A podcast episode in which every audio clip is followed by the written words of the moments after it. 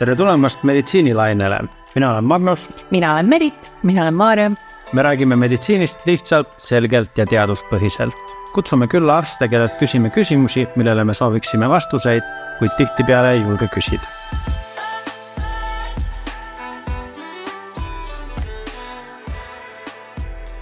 võtame ette ühe suure teema, milleks on viljatus.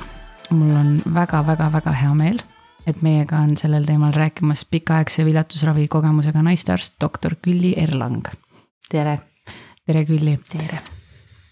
ma tahaks alustada sellest, et küsida kohe, kas viljatus on Eestis kasvav probleem või lihtsalt inimesed ja meedia võib-olla räägivad sellest rohkem ja räägivad sellest avameelsemalt? tõenäoliselt natuke mõlemat pidi, me räägime rohkem, inimesed räägivad oma kogemustest rohkem aga kuna paarid plaanivad rasedusi järjest hiljem ja lükkavad seda lapse saamist hilisema ea peale, siis tõenäoliselt on ka probleeme rohkem. laias laastus tegelikult öeldakse, et umbes viisteist protsenti on neid paare, kellel ühel või teisel eluperioodil on siis probleeme rasedaks jäämisega. aga kui minnagi täiesti, täiesti algusesse selle teemaga, siis mis asi see viljatus üldse on?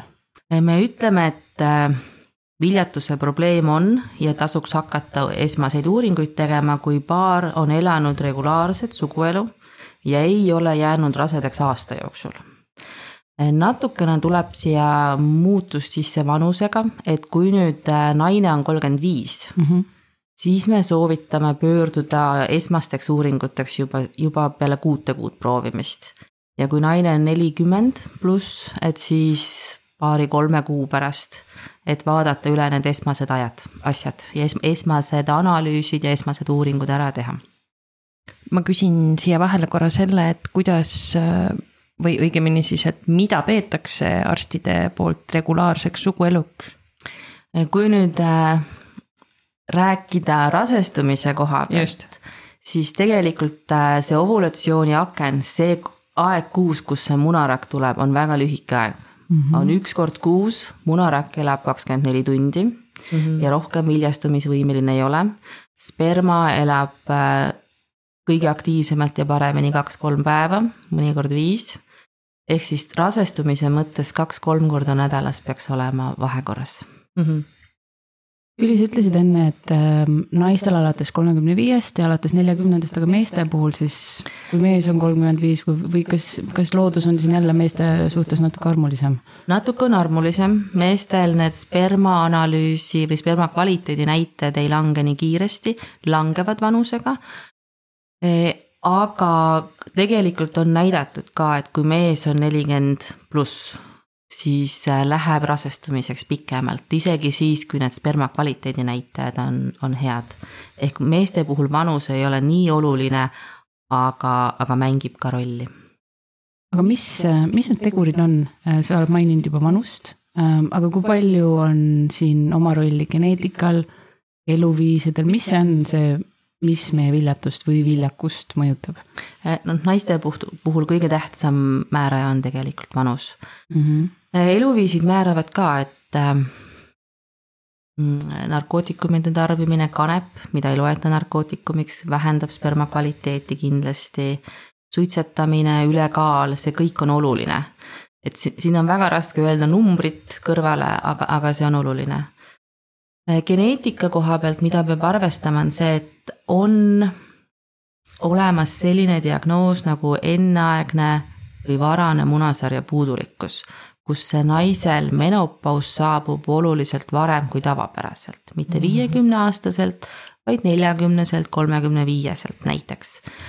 Ja on perekondi, kus tegelikult küsides on teada, et emal, vanaemal, tädidel, kõikidel menstruatsioonid lõppesid neljakümnendatest kuskil neljakümnendate alguses, kolmekümnendate lõpus. et need naised peaksid arvestama, et see risk on nendel tegelikult suurem.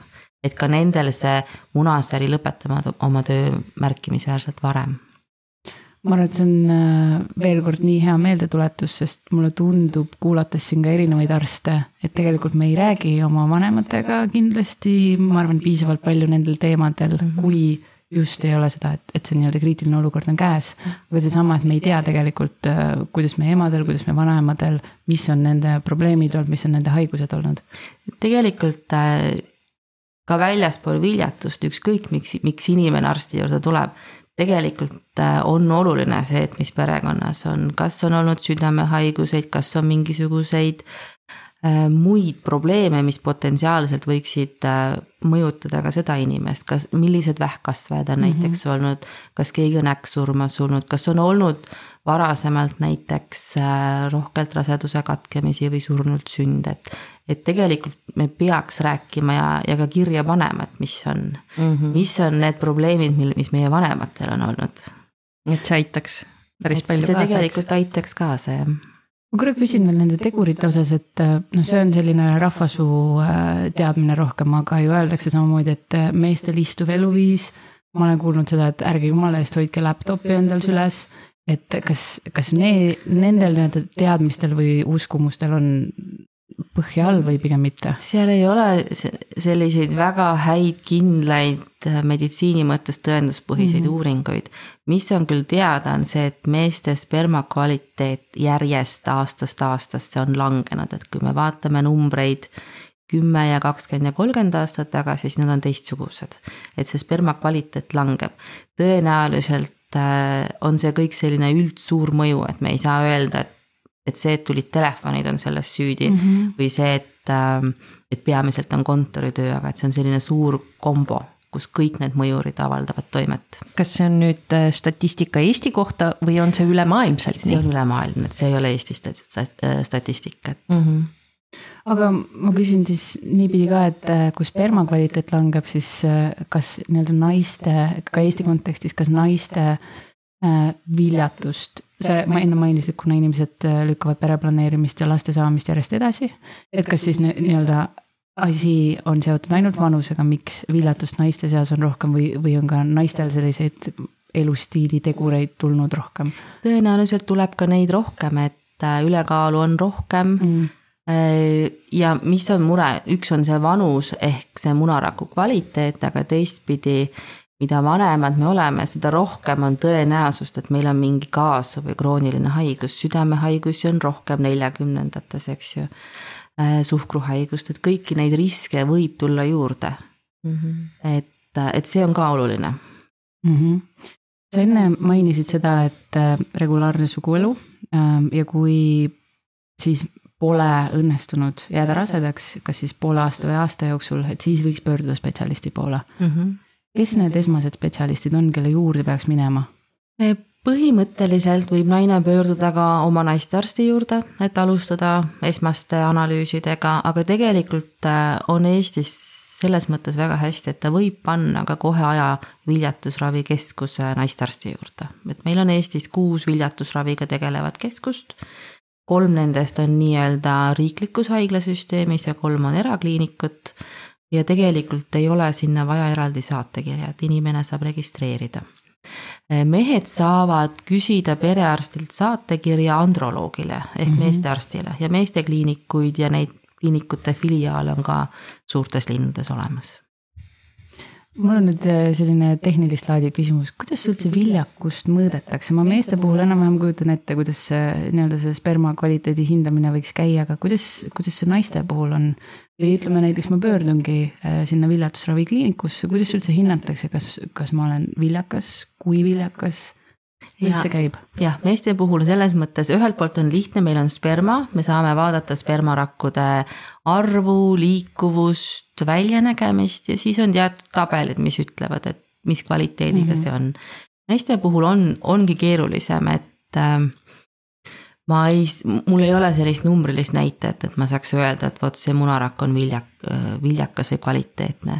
aga me alustame sellest, et kui naine tuleb, me uurime tema tsükli kohta eelnevalt, tema eelnevate probleemide kohta, millised kaasuvad haigused tal võiksid olla, mis ravimeid ta võtab. naistel esmaselt teeme ühe rea hormoonanalüüse mm. -hmm. me kindlasti teeme ultraheli et vaatame emakat, emaka limaskesta, munasarja. me saame ultrahelis hinnata folliiklite hulka munasarjas. mis need on? et folliikel on selline vedelikuga täidetud sihuke väike põiekene seal munasarjas, iga folliikli sees võiks olla see munarakk mm, -hmm. mis siis tsükli jooksul alustab arengut alguses mitu aga üks nendest siis peaks jõudma sellesse küpsesse staadiumisse, et ta ovuleerub ja see munarakk siis võiks saada viljastatud mm. -hmm. et me saame hinnata nende folliiklite hulka. ja, ja siis me sealt tasapisi liigume edasi, et äh, sõltuvalt, mis me nüüd kohe leidsime ja mis me partneril leidsime, sest see on hästi oluline, me tegelikult alustame uuringuid mõlemal paralleelselt siis järgmine samm, mida me saame hinnata, on munajuhad.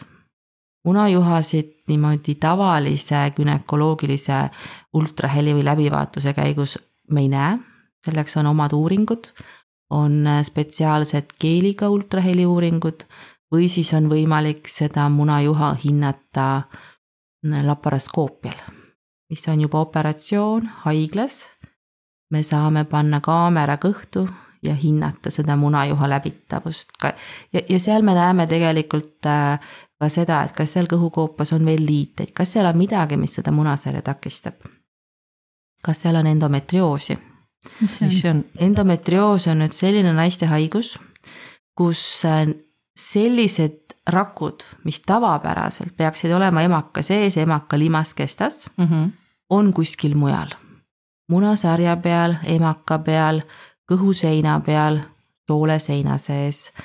Äh, see endometrioos võib tekitada selliseid süste munasarja sisse. et endometrioos, meil on, on väga raske öelda, kui levinud ta on, aga on pakutud, et umbes kümnel protsendil naistest mm. -hmm. mõned uuringud rohkem, mõned vähem äh, võiks olla endometrioos ja see on üks haigus ka, mis takistab rasestumist, et kui endometrioosi me jagame astmetesse, et mida raskem on endometrioos, seda tõenäolisemalt see mõjutab ka rasedaks jäämist. ma tahtsin äh, küsida selle kohta, sa enne mainisid, et, äh, et partnereid hakatakse uurima siis ühel ja samal ajal või mm -hmm. nii-öelda paralleelselt. kas, kas see on ka võimalik, et, äh, et nendel kahel inimesel ei olegi sellist klappi omavahel, et nad saaksid, võib-olla mõlemad on terved, aga et nad saaksidki omavahel järglast saada? meil ei ole tegelikult praegu ühtegi testi või, või teadmist, et saaks öelda, et vot need kaks inimest omavahel kindlasti kokku ei sobi mm. -hmm. kindlasti on paare, kes ei, kellel ei ole õnnestunud lapseootele jääda, kes võib-olla ongi lahku läinud, on mm -hmm. leidnud uued partnerid ja siis on mõlemad saanud lapsed seal võib olla väga sageli taga ka hoopis selline stress ja mm -hmm. mure ja, ja kogu see suhe ja muud probleemid mm. -hmm. stress mängib ka märkimisväärset rolli selles rasedaks jäämises siiski. no see on ka võib-olla seesama, miks seda on järjest rohkem arvestades, kui stressi rohkemates olukordades ja stressirohkemat elu me elame võib-olla võrreldes, ma ei tea, kolmekümne, neljakümne aasta taguse ajaga ma arvan, et see stress on või, või need stressiallikad on muutunud aja mhm. jooksul lihtsalt ja mis on kindlasti muutunud, on see, et meie oskus stressiga toime tulla.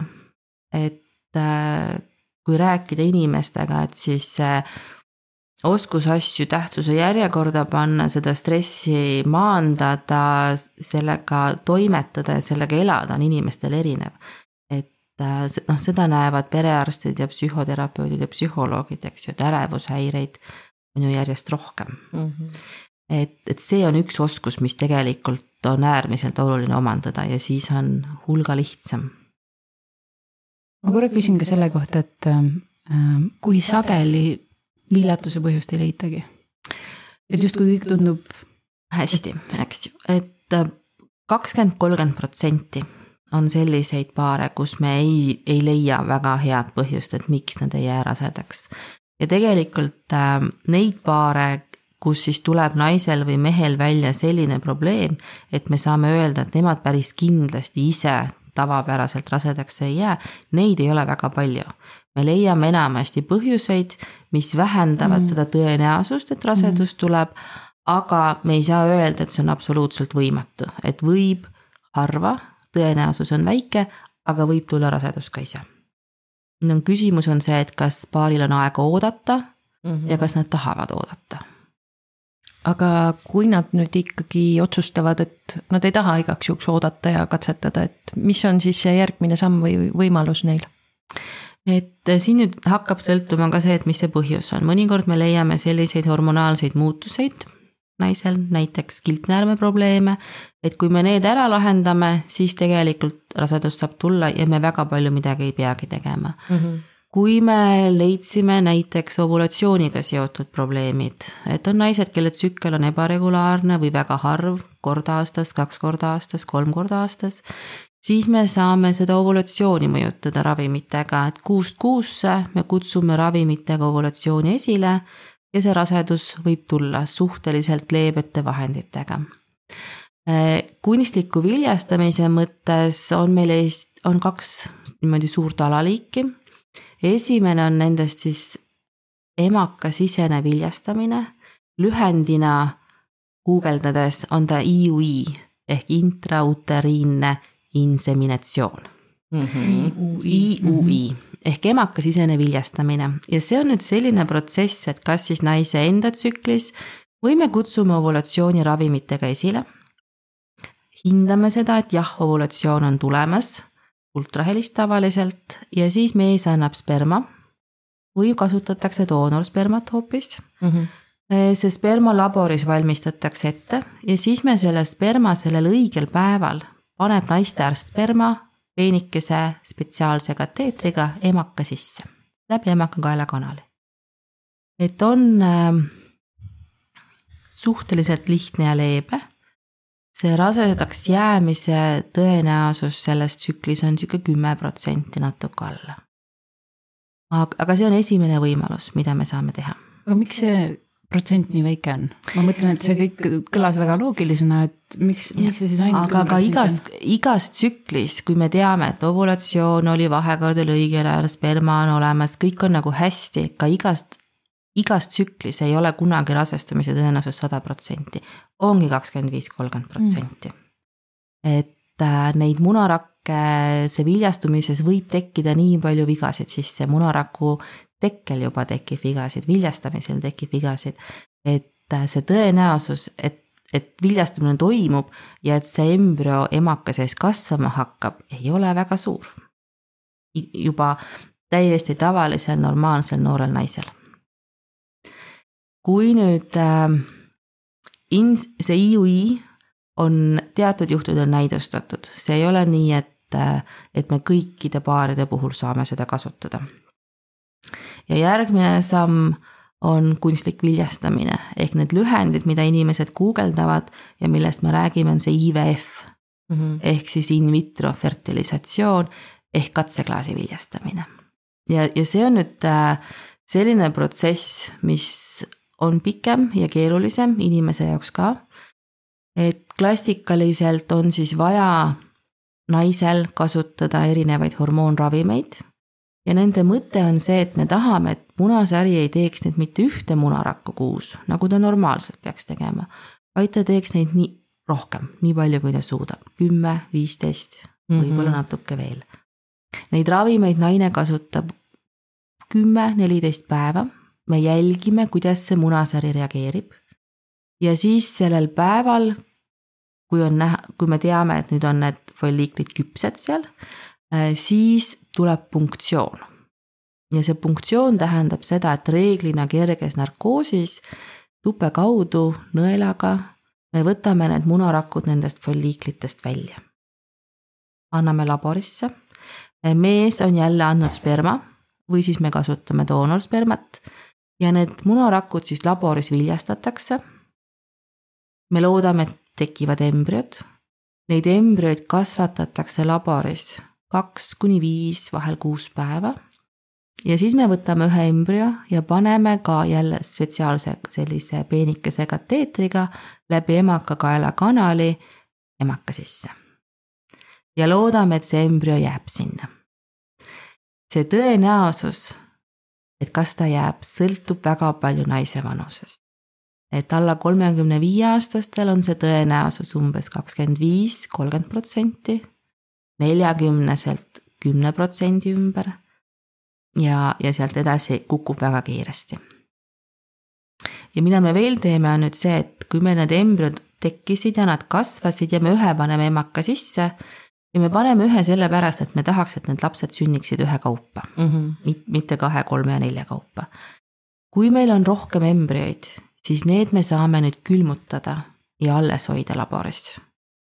et kui ei tulnud rasedust, siis me järgnevas või, või noh, mõnes järgnevas tsüklis me saame emaka ette valmistada leebemate ravimitega ja siis me sulatame selle embrüo ülesse ja paneme järgmise embrüomaka sisse. ma ütleks siinkohal lihtsalt vahemärkusena, et äh, elagu teadus. jah, ütleks vahemärkusena, et see on nii suur ime, et me siin istume laua taga. et ja see on see protsess, mida me nimetame külmutatud embrüo siirdamiseks, et need lühendid, mida väga sageli kasutatakse, on FET okay., eks ju. et et see on võimalus ja neid embrüoid äh, saab säilitada pikalt, Eesti seadus ütleb praegu, et seitse aastat. ma just tahtsin küsida, kui kaua nad seal külmas. Äh, et maailmas äh, on riike, kus ei ole piiranguid, kus see embrüo võib olla külmas ka viisteist ja kakskümmend aastat. ja tegelikult on ka see võimalus, et kui nüüd läks väga hästi ja selle esimese siirdamisega tegelikult naine jäi rasedaks ja ta sünnitas ja me panime need ülejäänud embrüod külma ja nüüd paar, kahe või kolme aasta pärast otsustab, et me tahame ühte last veel, siis me saame neid samu embreid kasutada. ja saab uuesti proovida. kuidas, äh, kas see on nüüd selline teenus, mille eest perekond ise peab tasuma? see nüüd sõltub naise vanusest, et mm -hmm. kõik kunstliku viljastamise protseduurid on Eestis äh, seadusega reguleeritud. Äh, on lubatud täisealisele naisele kuni viiekümnenda eluaastani mm. -hmm. haigekassa või siis tänapäeval Tervisekassa tasub selle eest kuni naise neljakümnenda eluaastani, ehk kui naine saab nelikümmend üks, siis on need protseduurid tasulised mm. -hmm. mul on, äh, ma korra tulen selle punkteerimise juurde tagasi yeah ütleme, et on selline olukord, et ma olen pannud oma munarakud külmutanud ära, ma olengi mhm. kolmkümmend viis, mul ei ole praegu võib-olla seda partnerit, kellega ma sooviks lapsi saada, ma panen oma munarakud külma. siis, kuidas see siis toimub, siis munarakud sulatatakse üles ja, ja siis pannakse nad juba katseklaasis nii-öelda luuakse see embrüo ja siis mhm. siirdetakse. just, et kui meil on munarakud eelnevalt külmutatud laboris, äh, siis me sulatame munaraku viljastame, loodame jälle, et saame embrüo ja siis selle siirdame. nüüd, et munarakke külmutada, siis selleks tegelikult tuleb läbida selle protsessi esimene pool mm. -hmm. et selleks, et saada neid küpseid munarakke, mida külmutada, see protsess on tegelikult sama mm, -hmm. naine hakkab kasutama hormoonravimeid, kasutab neid seal kümme-neliteist päeva. Need on süstitavad ravimid me hindame, et kas need folliiklid kasvavad, munarakku ma ultrahelis ei näe, ta on nii väike. ma näen seda folliiklit, mille sees võiks munarakk olla. me hindame, et need folliiklid kasvavad ja siis tuleb punktsioon, me võtame need munarakud välja, aga nüüd me ei viljasta neid kohe, vaid külmutame need munarakud ja hoiame alles mul on üks trivia küsimus veel just nende embrüote külmutamise osas, et äh, sa ise ka mainisid, et äh, riigiti on see nii-öelda aeg erinev. minu arust siin mõni kuu tagasi oligi üks artikkel, kus Ühendriikides äh, sulatati üles embrüod, mis on pärit aastast noh, eelmine sajand. miks Eestis see seitse aastat on, võrreldes sellega, et see võiks olla ka kakskümmend või viisteist? see on hea küsimus, see seadus on sellisena koostatud äh, ka need embrüo äh, külmutamise meetodid on tegelikult ajaga muutunud mm, -hmm. et see tõenäosus, et embrüo üles sulab, et ta selle kõik üle elab, see on ka erinev, et. et embrüo, mis pandi külma kümme-viisteist aastat tagasi, et äh, nende tõenäosus sulada ja, ja püsida elus ja raseduseks saada on tegelikult teine mm. -hmm. aga mis, mis kraadil neid üldse hoitakse? Nad on, on vedela lämmastikuga spetsiifilised okay. mm -hmm. kõrred ühekaupa pakitud nagu. väga hästi nummerdatud, jälgitud, et me teame täpselt, kus milline embrüo on. jah, sellist jah segadust ei tahaks. et äh, ka ühe naise mõttes, et milline embrüo, kuida-, me saame jälgida ja päeva peale kirja, iga päeva kohta kirja panna, et kuidas see embrüo areng selle esimese viie päeva jooksul läks ja siis me teame täpselt, see embrüo on selles kohas ja millise embrüo me välja võtame mm. -hmm. ja kasutame. ma IVF-i osas küsin veel seda, et millised äh, on selle tüsistused? kas seal on mingisugused riskid, mida peaks teadma, mida peaks arvestama? et äh, iga liigutus, mida me meditsiinis teeme, omab mingeid riske mm. -hmm. esiteks need ravimid, mida me kasutame, võivad alati anda mingi reaktsiooni. seda juhtub tegelikult väga harva. nüüd punktsiooniks on vaja narkoosi. jälle probleeme on seal vähe, aga esineb. kui me punkteerime terava nõelaga ju tegelikult, et siis on risk verejooksule munasarjast või põletikule hiljem.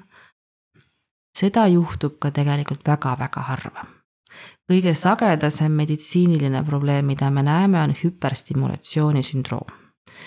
ehk see on see koht, kus munasari reageerib üle, reageerib palju, neid folliikleid on tavaliselt siis väga palju. ja, ja naise organismis muutub siis väga palju, et kogu hüübimissüsteem on natuke teistsugune, turused võivad tekkida, vedelik kehas paikneb ümber, et võib olla kõhuõõnes vedelikku, kopsu ümber vedelikku trombide tekkimise risk tõuseb, et äh, hüperstimulatsioon oma väga raskel kujul on väga raske tüsilik probleem ja vajab haiglaravi reeglina. Neid väga raskeid hüperstimulatsioone on jälle väga harva mm. -hmm.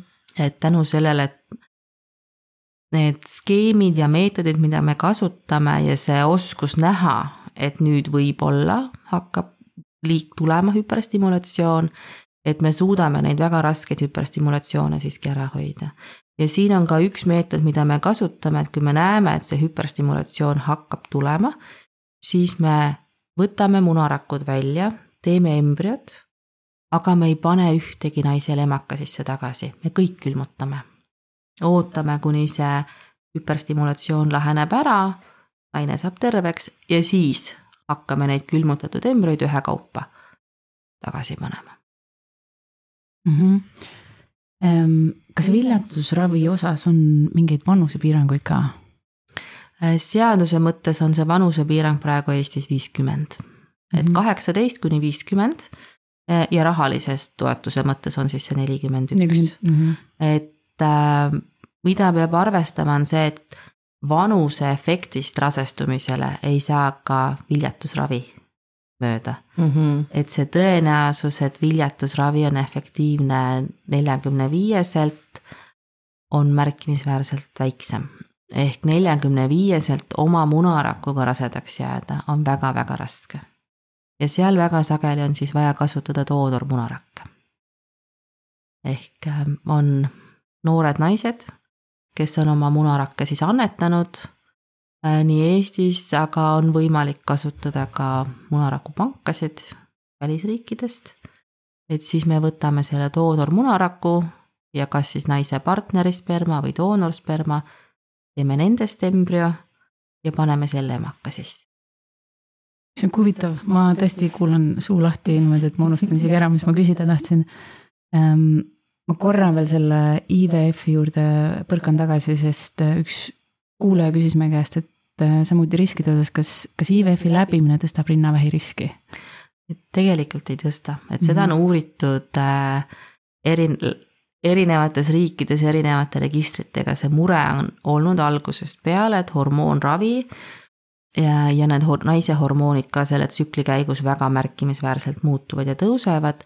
tegelikult ei ole praegu näidatud, et kunstlik viljastamine tõstaks selle naise rinnavähi riski tulevikus Mm, Külli, sa mainisid ka seda, et on võimalik kasutada ka välismaiseid pankasid. kas, kas see on samamoodi Tervisekassa poolt rahastatud või sinna tuleb kuidagi juurde maksta või see on mingi erinev hinnakiri? jah, inimene ise ei saa välismaisest pangast munarakke tellida ega osta, et, et see käib siis läbi kliinikut, et mm -hmm. kliinikud kas siis ähm,, kliinikutel on kas siis oma munarakudoonorid või siis me saame nagu tellida, eks ju. et sõltuvalt nüüd jälle kliinikust ja seadusandlusest, see, seal on väga suuri piiranguid, kuidas ja mismoodi. Äh, doonormunaraku kasutamine ei ole Tervisekassa poolt äh, kompenseeritud, ehk doonormunaraku peab inimene alati nagu ise maksma mm. -hmm. et sõltumata sellest, mis see vanus on, et kui naine on alla neljakümne ühe, siis ta selle viljastamise protseduuri ja, ja embrüo emaka sisse panemise ehk ema või selle embrüo siirdamise, selle maksab Tervisekassa kinni. aga need doonormunarakud peab ta ise ostma. kui suur summa see on? see nüüd sõltub jälle kliinikuti, aga, aga noh, see võib jääda niimoodi, et üks munarakk maksab seal viissada kolmkümmend. Mhm. väga arvestatav summa. ta on tegelikult arvestatav summa, sest jälle seda enam, et äh, iga munarakk ei viljastu, igast mm -hmm. munarakust ei teki embrüo. et laias laastus väga sageli läheb vaja niimoodi, et äh, on vaja viis-kuus munarakku, et me saaks ühe või kaks embrüot, mida me saaks siirdada ma korra küsin ka selliselt, et millistel juhtudel äh, siis näiteks kasutatakse neid välismaiseid, kui me räägime munarakkudest, välismaiseid munarakupankasid, et äh, see vist nii päris ei ole, et ma tulen kliinikusse sisse, ütlen tere, ma tahaks Taanist. Jah, see ongi see, et kliinikutele, kliinikud peavad eelnevalt äh, siis nagu, meil peavad olema need lepingud, load, et neid munarakke sisse tuua ja, ja see on suhteliselt tüsilik, nii et väga palju me tegelikult kasutame ju praegu Eesti doonoreid. kuidas Eesti munaraku doonoritega on, kas see on pigem midagi sellist, mis on nagu vajaka või on seda piisavalt hetkel? Meil on neid suhteliselt vähe. et äh, ja üle selle siis mõnikord on ka ooteaeg, et sõltuvalt kliinikust, kas on parasjagu neid doonorrakke või ei ole. et äh, meil ei ole nii, nii palju doonoreid, kui meil tarvis oleks tegelikult. aga kuidas sa seda kommenteerid, et kas see munaraku doonoriks olemine on midagi ka sellist, mis võib mingid riskid nii-öelda sellele doonorile kaasa tuua? Tal on jälle needsamad riskid, et ka selleks, et neid doonormunarakke saada, ta vajab ravimeid, ta vajab jälgimist, ta vajab punktsiooni, kõik need riskid on tal ka olemas, eks mm -hmm. ju. et nad on selles tsüklis ei ole näidatud jälle, et neid riske oleks tulevikus, äh, samamoodi rinnavähile või mingitele muudele probleemidele, aga selles tsüklis jaa, need riskid on talle samasugused. millised psühholoogilise nõustamise või toetamise võimalused äh, või praktikad IVF-i juurde kuuluvad? et need paarid tegelikult sageli vajavad tuge ja nõu, et äh, kliinikuti on jälle asi erinev, et mõnes, meil on, minu haiglas, meil on olemas psühholoog, kuhu me saame siis oma patsiente suunata, on olemas kogemusnõustajad, on olemas raseduskriisi nõustajad, et äh, kuhu siis inimesed saavad pöörduda ja, ja abi küsida. väga hea. Külli, mida sa ütleksid neile inimestele või mida sa soovitaksid neile inimestele, kes nüüd äh, täna äh, on otsustanud, me tahaks last saada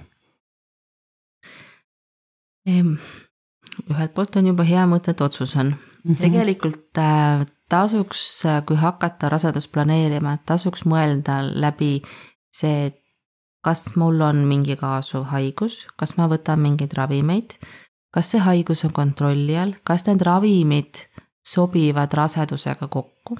et kõik, kellel on mingi krooniline tervisemure, peaksid selle arutama läbi oma perearstiga või oma siis selle haigust jälgiva ravivarstiga.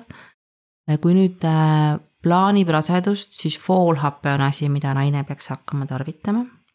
kas siis äh, puhas foolhape või siis mõne rasedust planeeriva naise vitamiini koostises, et neid on väga erinevaid apteegist saada.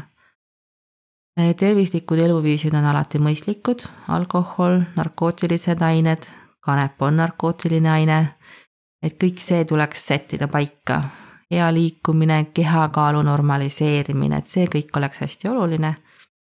ja tegelikult äh, ma ei soovita kohe alustada hirmsa planeerimise, jälgimise või kella peale seksimisega, et see ajab inimesed väga närvi ja ärevusse, et see ei ole mõistlik. et umbkaudu tasub aru saada, milline on minu tsükkel, kus on see tsükli keskpaik, kus on ovulatsioon, et et selles ajavahemikus oleks see kaks-kolm korda nädalas vahekord. aga selline väga täpne äppide jälgimine kohe tavaliselt tekitab väga palju stressi. Mis mhm. hakkab pärssima seda tõenäosust, et rasedus tuleb. kuidas suguhaigused või suguhaiguste läbipõdemine mõjutab äh, rasestamise võimalusi? sõltub nüüd jälle haigusest, aga mis on äh, mure, on see, et kõige sagedasem sugulisel teel leviv haigus on praegu klamüüdia. on väga sage. Äh, tema häda on see, et ta ei anna väga sageli väga olulisi sümptome, et me leiame selle sellise ju noh, nagu testimise käigus. Ja klamüüdia võib kahjustada munajuhasid ja võib kahjustada niimoodi, et munajuhad on täiesti suletud ja, ja siis ei ole üldse ise rasedaks jäämise võimalust. või ta kahjustab seda munajuha funktsiooni, et munajuha nagu on läbitav, aga, aga ta funktsioon on häiritud ja jälle siis ka see rasestumine on häiritud. et ja kui see munajuha funktsioon on häiritud, siis ka emakavälise raseduse risk tõuseb. Et sellised kõik infektsioonid mõjutavad seda tõenäosust tulevikus korra küsin ka veel sellise küsimuse siia lõppu, et äh, me oleme hästi palju rääkinud vanusest ja selle mõjust äh, viljakusele. millal võiks mõelda selle peale, et külmutada oma munarakke? mida, mida noorem on naine, kelle munarakud on külmutatud, seda parem tegelikult, ehk äh, me oleme kogu aeg rääkinud, et noh, vähemalt alla kolmekümne viie praegu räägitakse jälle rohkem, et vähemalt alla kolmekümne peaks juba mõtlema selle peale munarakut külmutama. et kui ei ole nagu lähemas tulevikus kohe plaanis rasedaks jääda. mida nüüd küll peab arvestama, on see, et, et see, et munarakud on külmutatud, see ei anna garantiid mm, -hmm. et mhm. nendest munarakkudest tulevikus tuleb rasedus ja, ja sünnib laps et me ei saa arvestada niimoodi, et mul on kümme munarakku külmas, ma saan sealt kümme embrüot ja vähemalt viis rasedust ei pruugi nii minna. aga mis on see samm, mis tuleb astuda, kui ma soovin oma munarakud äh, külmutada? et siis tegelikult on vaja minna viljatusravikeskusesse naistearsti vastuvõtule, rääkida, saab nõustamise, saab analüüsid ja me vaatame selle kõik üle ja, ja siis saab selle protsessiga alustada mm. -hmm. nüüd munarakkude külmutamine sotsiaalsel põhjusel või omal soovil on ka täistasuline tegevus, eks ju mm. -hmm kas siis ähm, ehk siis, kui ma külmutan ära, jätan nad külma, ehk et mul ei ole seda soovi, et kohe mm. -hmm. Okay. just mm -hmm. ja, et kui nüüd äh, jah, tuleb kahekümne viie aastane, et ma igaks juhuks tulevikuks külmutan, siis see on tasuline tegevus. jälle kliinikuti on need hinnad natukene erinevad, aga seal peab arvestama kahe-kolme tuhande euroga ühe tsükli mõttes. ja mõnikord on vaja mitu tsüklit mm -hmm. teha. Äh, munarakkude külmutamine Eestis nendele naistele, kes on alla kolmekümne viiesed ja kellel on leitud mingisugune haigus, mis vajab munasarja kahjustavat ravi. kõige klassikalisem on leitud mingi pahaloomuline kasv, mis vajab keemiaravi. Nendele naistele on see munarakkude külmutamine Tervisekassa poolt tasutud. seda on hea teada. ma küsin ka selliselt äh, ma ei tea, kas see on linnalegend, äh, sellepärast ma küsingi, kas munarakkude külmutamisel äh, tähendab seda, et ma ei ole tohtinud tarvitada antidepressante mingil eelneval perioodil? sellega ei ole, selle kohta ei ole nüüd konkreetset sada protsenti jälgitavat juhendit, et ähm, mida vähem on ravimeid kasutatud, mida tervem on see naine see hetk, kui me seda teeme, seda kasulikum on mm. -hmm. aga teistpidi, see on see kahju ja kasu kaalumise suhe, et mõnikord tegelikult on ravimite kasutamine mõistlikum tegevus ja mitte lõpetada ravi ja selle foonil, et munarakud mm -hmm. külmutada. ka naised, kes planeerivad rasedust, hakkavad planeerima ja kes jäävad ise rasedaks, et need ravimid jah, on mõistlik eelnevalt konsulteerida perearstiga või oma, oma siis nagu raviarstiga, et kas ja mis on lubatud. kindlasti ei tohi mitte ühtegi ravimit ise ära jätta mm. -hmm. et ma nüüd planeerisin rasedust või isegi kui ma ei planeerinud rasedust ja ma jäin rasedaks ootamatult mm. -hmm. et ei tohi neid ravimeid ise ära jätta, et see peab üle vaatama, väga paljud ravimid on sellised, mida tegelikult tohib läbi raseduse võtta ja mida ongi mõistlik võtta, on väga palju haiguseid, mis on ise ohtlikumad, niisiis sellele rasedale kui lapsele, et me peame neid ravima, mis siis, et meil on selline kaasa antud hirm, et raseduse ajal ei tohi mitte midagi võtta, väga sageli on mõistlikum teha ravi. Külli, ma tahaks siia lõppu küsida ühe sellise futuristliku küsimuse ka. kuhu sa näed, et teadus üldse pikas plaanis või järgmisena areneb kogu selle lapse ja laste planeerimise osas, et siin on ju olnud ähm, võib-olla välismaises meedias rohkem seda, et kas me lõpuks hakkame valima oma lastele silmavärvi. sa enne mainisid seda, et me loomult oleme ise hästi planeerijad ja ikkagi, kui tahame, et lõvitäht kui just sünniks, siis me teame, mis peaks selle jaoks tegema, aga et kuhu see teadus võib-olla meid viib lähitulevikus just selle nii-öelda laste planeerimise ja laste saamise mõttes? siin nüüd hakkavad põrkama, et see, mis on tehniliselt võimalik ja see, mis on eetiliselt mm -hmm. mõistlik ja mm -hmm. lubatud.